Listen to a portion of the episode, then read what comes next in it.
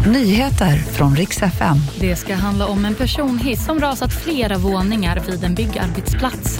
Och så ska det handla om Vatikanstatens nya besked om samkönade partnerskap.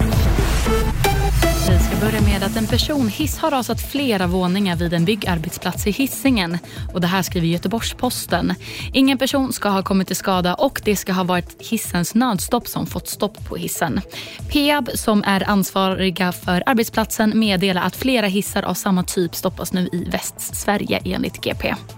Vi går vidare med beskedet från Vatikanstaten som nu beslutar att godkänna välsignelse av samkönade partnerskap. Beskedet från Vatikanstaten innebär en stor och grundläggande förändring inom den katolska kyrkan men beslutet innehåller begränsningar.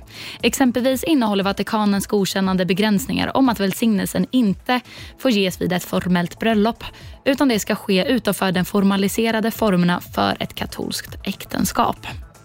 Slutligen ska det handla om den nya filmen Wonka med Timothée Chalamet i huvudrollen som godismakaren Willy Wonka som hamnade på en klar första plats i biotoppen både i USA och i Kanada under biohelgen.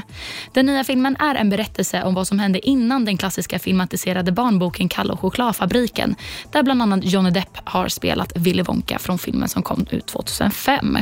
Och Det var nyheterna och mitt namn är Moa Jonsson.